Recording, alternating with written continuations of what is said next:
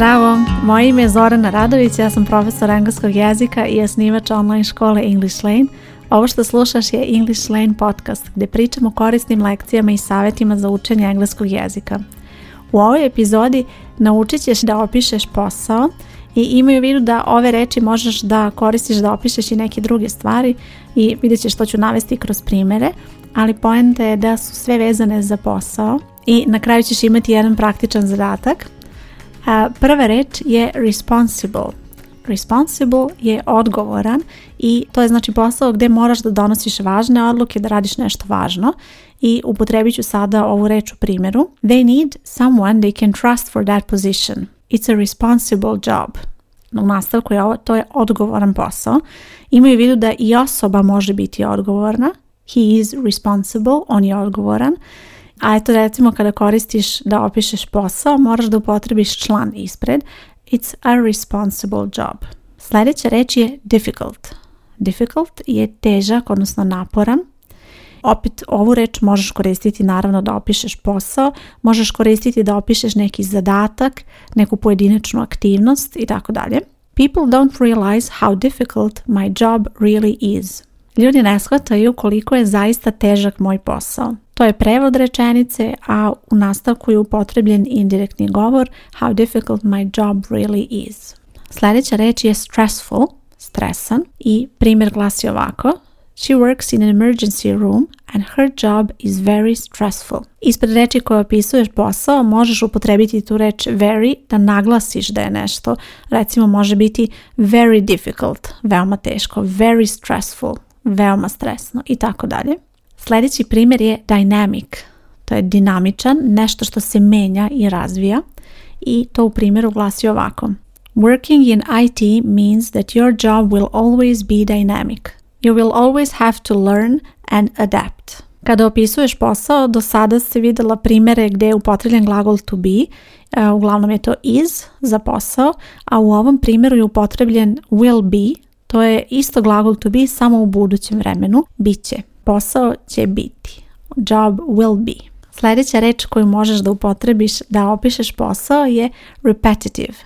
Repetitive je nešto što se ponavlja i ovo je reč koja nema baš direktan prevod, znači nemaš reč, možeš reći repetitivan, čula sam tako da, ali to je prosto pozemljena reč, možeš reći koji se ponavlja, znači opisat ćeš nešto frazom i to je nešto što ćeš povremeno koristiti kada prevodiš recimo nešto sa engleskog jezika, to će se dešavati i poslušaj sada primjer.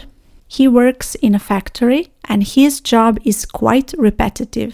U ovoj rečenici upotrebljena je ta reč, a ispred je upotrebljeno quite, veoma. E, možeš reći i very, možeš upotrebiti znači i neke druge reči da naglasiš taj pridev koji koristiš. Sljedeća reč je flexible.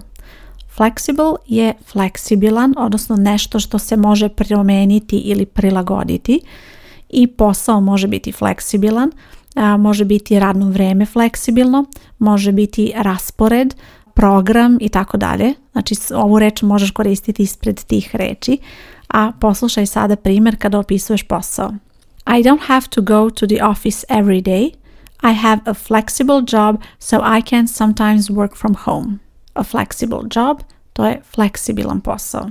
Posao također može biti challenging.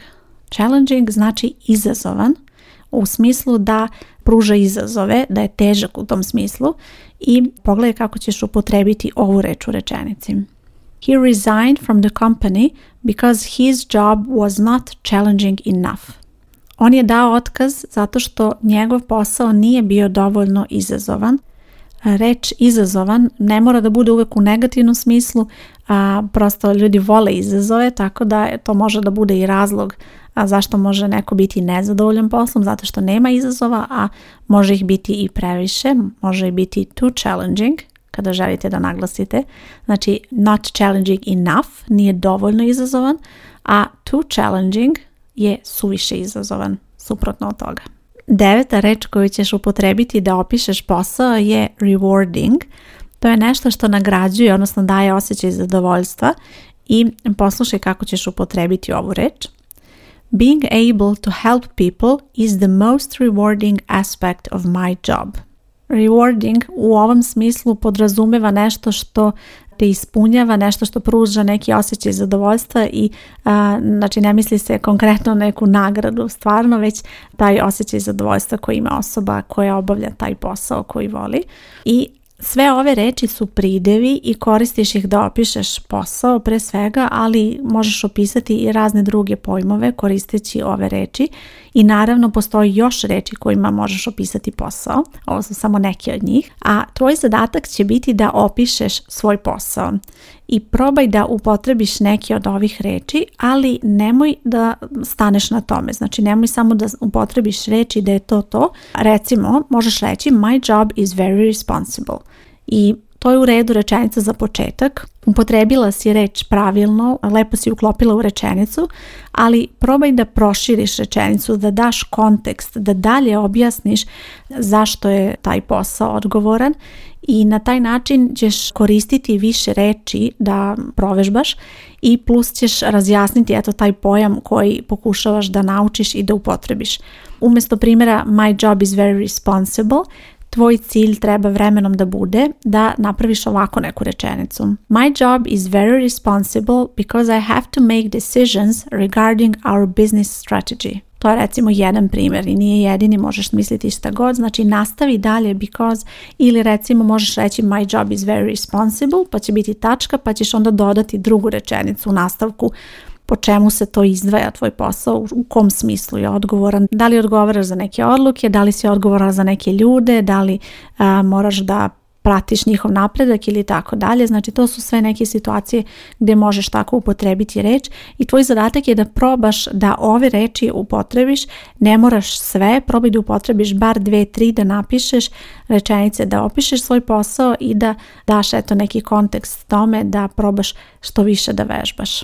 Ovakva lekcija pomaže ti da se pripremiš za konverzaciju i da vežbaš ne samo da upotrebiš ovih devet reči, jer kao što vidiš nije poenta samo te reči upotrebiti, već um, ubaciti te reči u rečenice, to jest prilagoditi ih, upotrebiti odgovarajući glagol uz njih, upotrebiti odgovarajuću reč pre, posle, napraviti dobar red reči, sve ovo zajedno i svi ti primjeri je nešto što tebe priprema za konverzaciju, jer razgovor o poslu je nešto što ćeš se vrlo često susreti sa tim, pričat ćeš sa E, ljudima na engleskom o tome i doći ćeš u situaciju da će ti baš ovakve rečenice biti vrlo korisne i zato i tvoj zadatak treba da bude da probaš da ovakve izrazi i ovakve rečenice napišeš tako da budu naravno prilagođeni tebi i tvojoj situaciji. Na taj način steći ćeš iskustvo i pripremit ćeš sebe da pričaš o svom poslu na engleskom. Kao što se iz ove lekcije videla, učenje poslovnog engleskog nije samo učenje terminologije, jer da bi uspela ova ovakve reči da upotrebiš u konverzaciji ti moraš da znaš i gramatiku, moraš da znaš i neke, da kažem, osnovne reči, one reči koje se koriste i koje se uče na osnovnim kursevima koji nisu specializovani, koji nisu poslovni i zato je vrlo bitno da shvatiš to učenje poslovnog engleskog kao celokupan proces, dakle učiš engleski kao osnovni jezik, nešto što je osnova svega, gramatiku, nove reči i tako dalje i onda obogaćuješ svoj rečnik kada su u pitanju ti poslovni termini, odnosno reči koje se koriste u poslovnoj komunikaciji i nadam se da ti ova lekcija bila korisna da si uspela da naučiš neke nove termine koje možeš upotrebiti u konverzaciji. To su sve reči za ovu epizodu i nadam se da ćeš moći sada da naučiš pre svega ove reči kako se čitaju, šta znače i da ćeš uspjeti i da ih upotrebiš u primjerima. A ukoliko želiš da učiš sa mnom, pogledaj više o English Lane školi na ovoj stranici gdje slušaš podcast, bit će link ka školi ili možeš da potražiš English Lane online škola i tu ćeš saznati sve informacije i kako možeš da se prijaviš i postaneš član. Ja sam Zorana Radović, hvala ti što slušaš podcast i u gdje slušaš podcast prijavi se da dobijaš obaveštenja kada izlaze nove epizode. Ćao!